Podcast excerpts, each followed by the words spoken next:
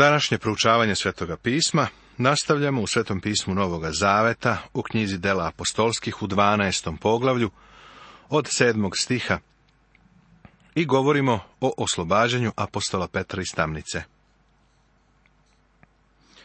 I gle, anđeo gospodnji pristupi i svetlost zasija u odaji.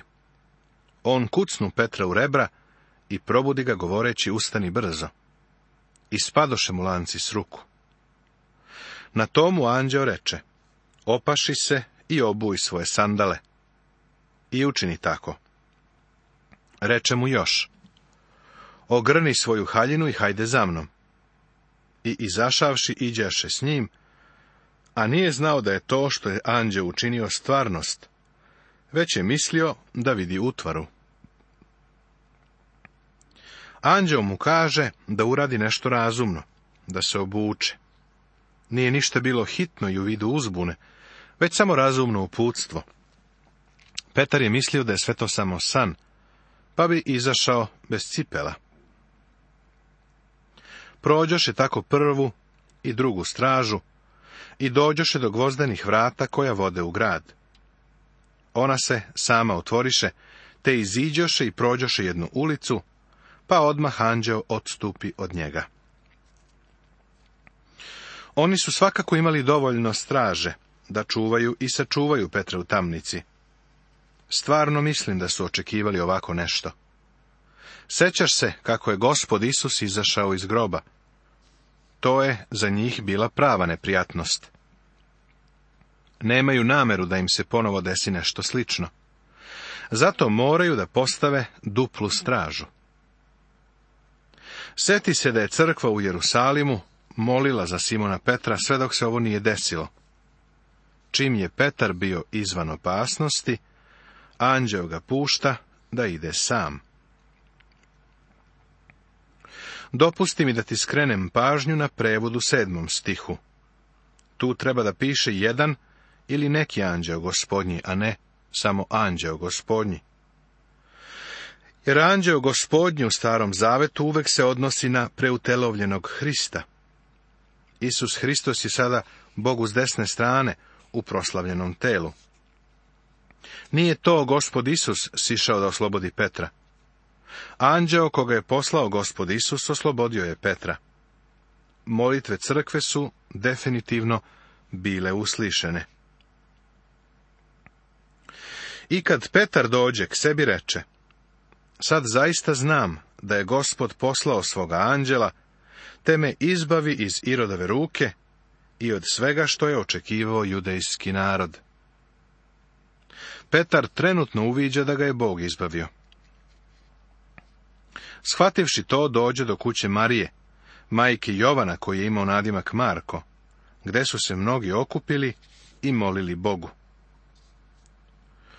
U ovo vreme, kao ni sljedećih otprilike stotinu i pedeset godina, crkva nije imala crkvene zgrade. Kada danas govorimo o crkvi, obično mislimo na zgradu. Kažemo prva tajta crkva ili druga, ili nalazi se na uglu te i te ulice.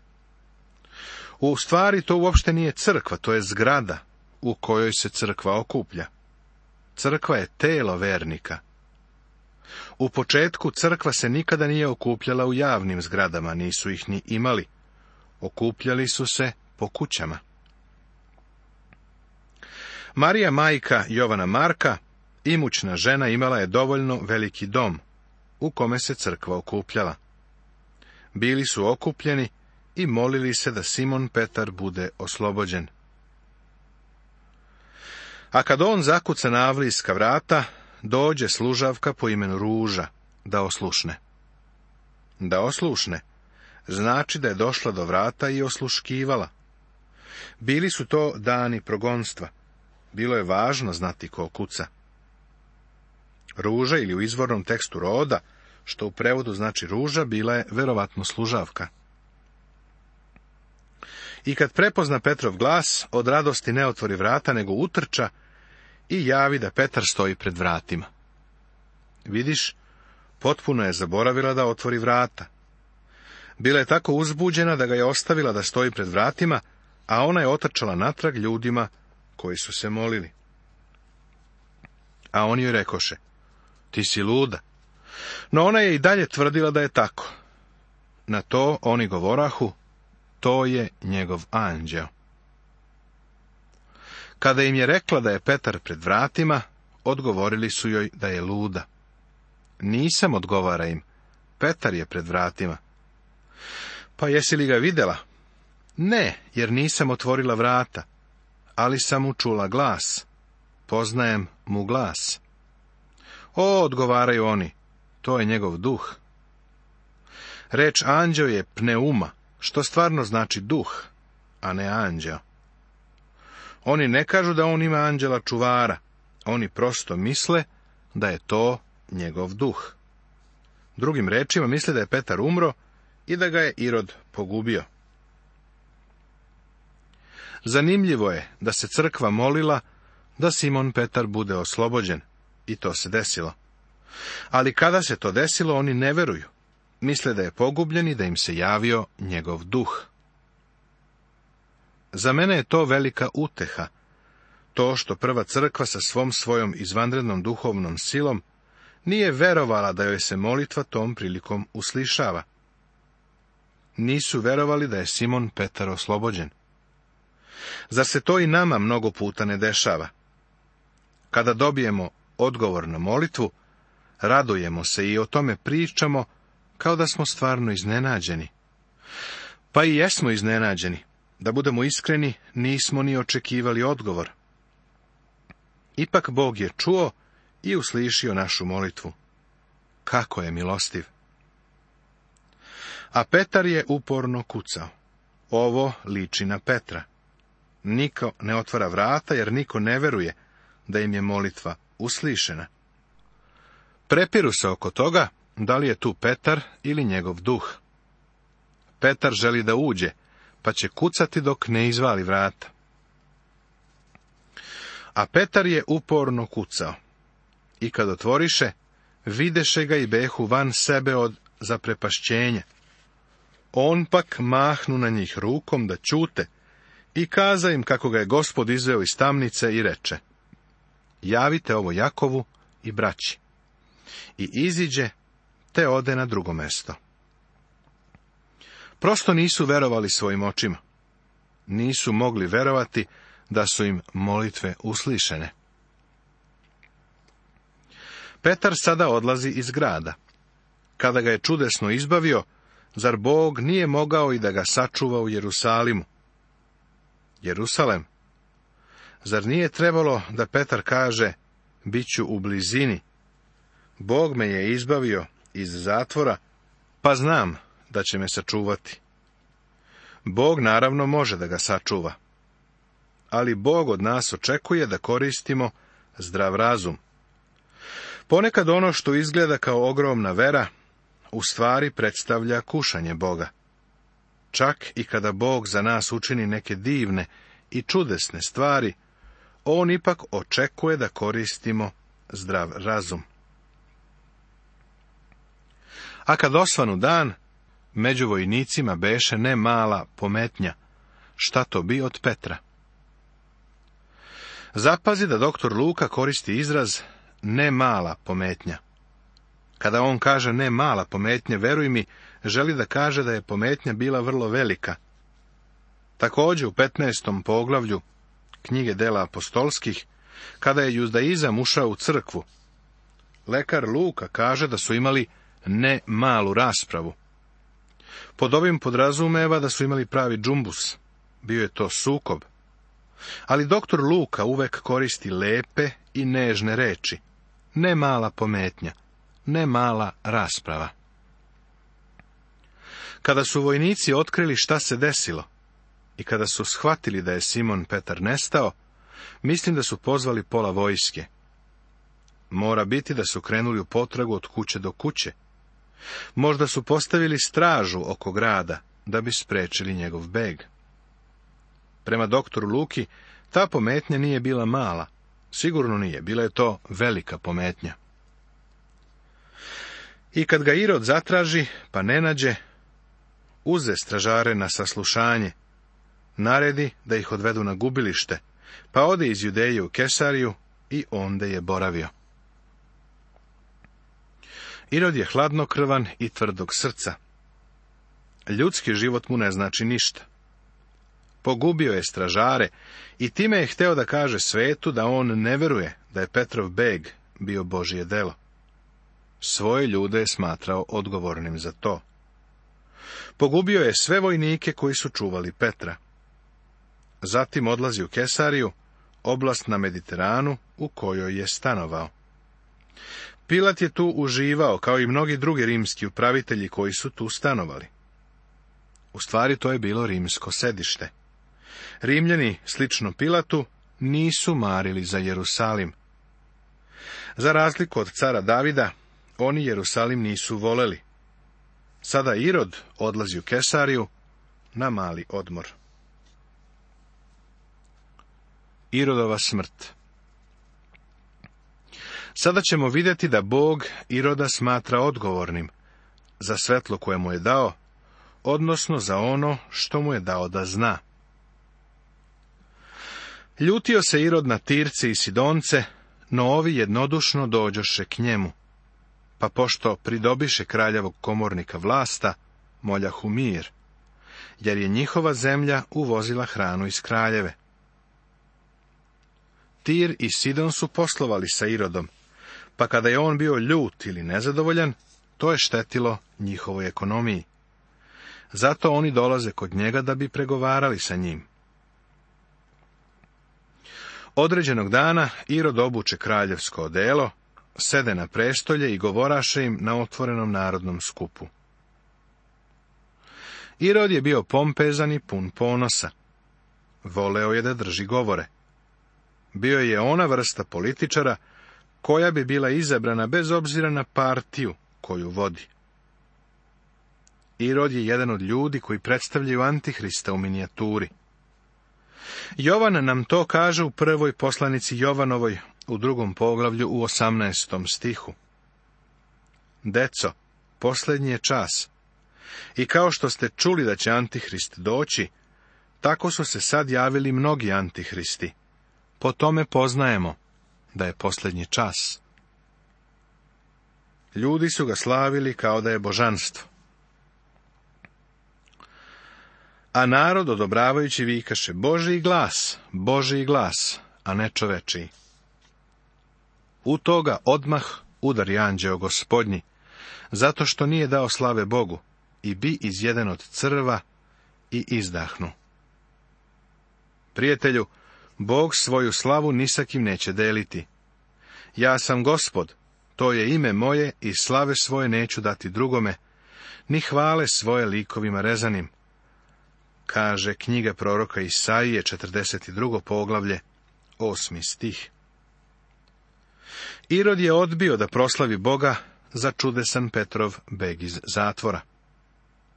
A sada je spreman da ljudima pusti da ga poistovećuju sa božanstvom. Bog ga osuđuje. Bog je ljubomoran na svoju slavu. Kakva je ovo lekcija za nas? Čovek bi pomislio da će crkva pored ovakvog progonstva biti uništena i da će nestati. A reč Božija je rasla i napredovala. Progonstvo uopšte nije naudilo crkvi. Varnava pak i Savle Pošto su predali pomoć, vratiše se iz Jerusalima, uzevši sa sobom Jovana, koji je imao nadimak Marko. Jovan Marko se sa Varnavom i Savom vraća u Antiohiju. Seti se da je bio u Jerusalimu, da je tamošnjoj crkvi doneo dar. Došli smo do kraja drugog dela knjige dela apostolskih. Evanđelje je dospelo u Judeju i Samariju. Počevši od sljedećeg poglavlja, vidjet ćemo kako se evanđelje kreće do krajeva zemlje. Još uvek se nalazimo u tom kretanju. Nadam se da smo i ti i ja u to uključeni. Poglavlja 13. i 14. Tema Prvo Pavlovo misionarsko putovanje Sada smo došli do posljednjeg dela knjige dela apostolskih. U njemu se govori o delu gospode Isusa Hrista duhom svetim, kroz apostole, sve do krajeva zemlje.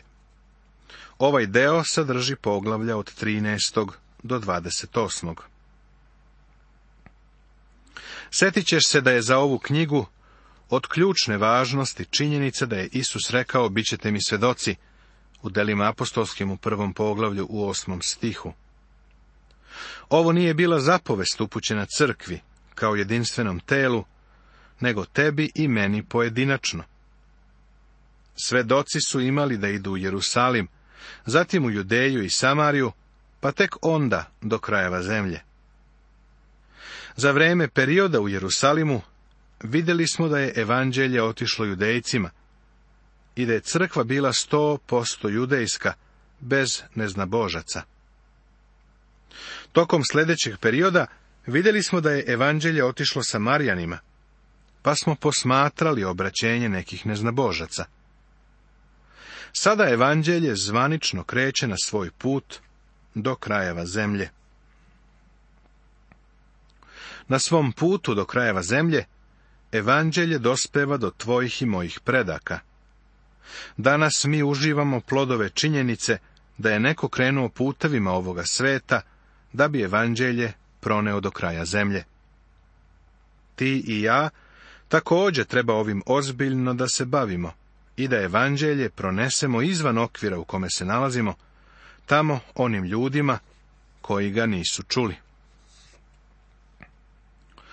U ovom pohodu evanđelja izvan granica Simona Petra vidimo da apostol Pavle postaje dominantni vođa, a Petar nestaje sa scene. Boga je silno upotrebio. Sada je Pavle osoba koju će Bog dominantno koristiti. Kao što ćeš vidjeti na mapi, Pavle je sa Varnavom krenuo na put. Prva stranica im je Kipar, Varnavina postojbina. Prelaze ostravo, a onda plove od Pafa ka Pergi u Pamfiliji. Zatim ulaze u središte Male Azije, današnju Tursku, i odlaze u Galatsku zemlju.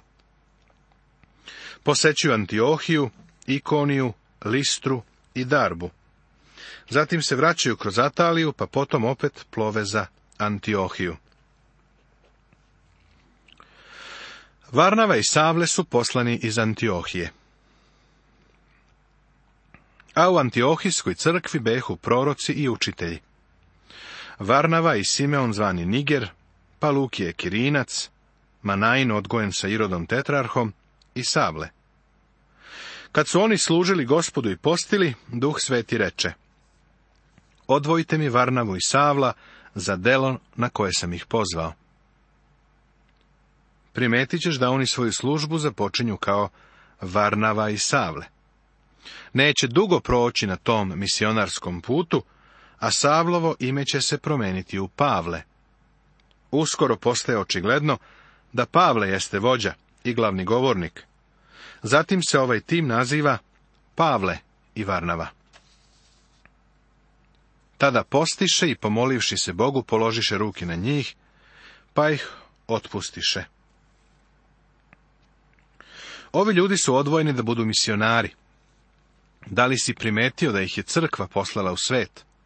Nije to bila crkva u Jerusalimu. Iskreno ću reći, crkva u Jerusalimu nije bila misionarska. Crkva u Antiohiji je imala misionarsku viziju. Postili su i molili su se, jer je njihova najiskrenija želja bila da ispune volju Božju. Položili su ruke na ova dva misionara koja su slali. I danas to radimo sa misionarima. Zašto? Da li im nešto usađujemo, prenosimo? Bojim se da jedino što možemo da im prenesemo polaganjem ruku jesu sve one klice koje imamo na rukama. Polaganje ruke je način identifikacije, izjavljivanje da smo saradnici. Tako su hrišćani u Antiohiji polaganjem ruku pokazali da su saradnici Pavlovi i Varnavini na tom putešestviju odnošenja i širenja Božje reči. Oni ove ljude šalju kao svoje predstavnike. A oni sami će služiti kod kuće, dok Pavle i Varnava idu izvan te oblasti. Oni pak poslani od Svetoga Duha siđoše u Selevkiju, pa odande otploviše za Kipar.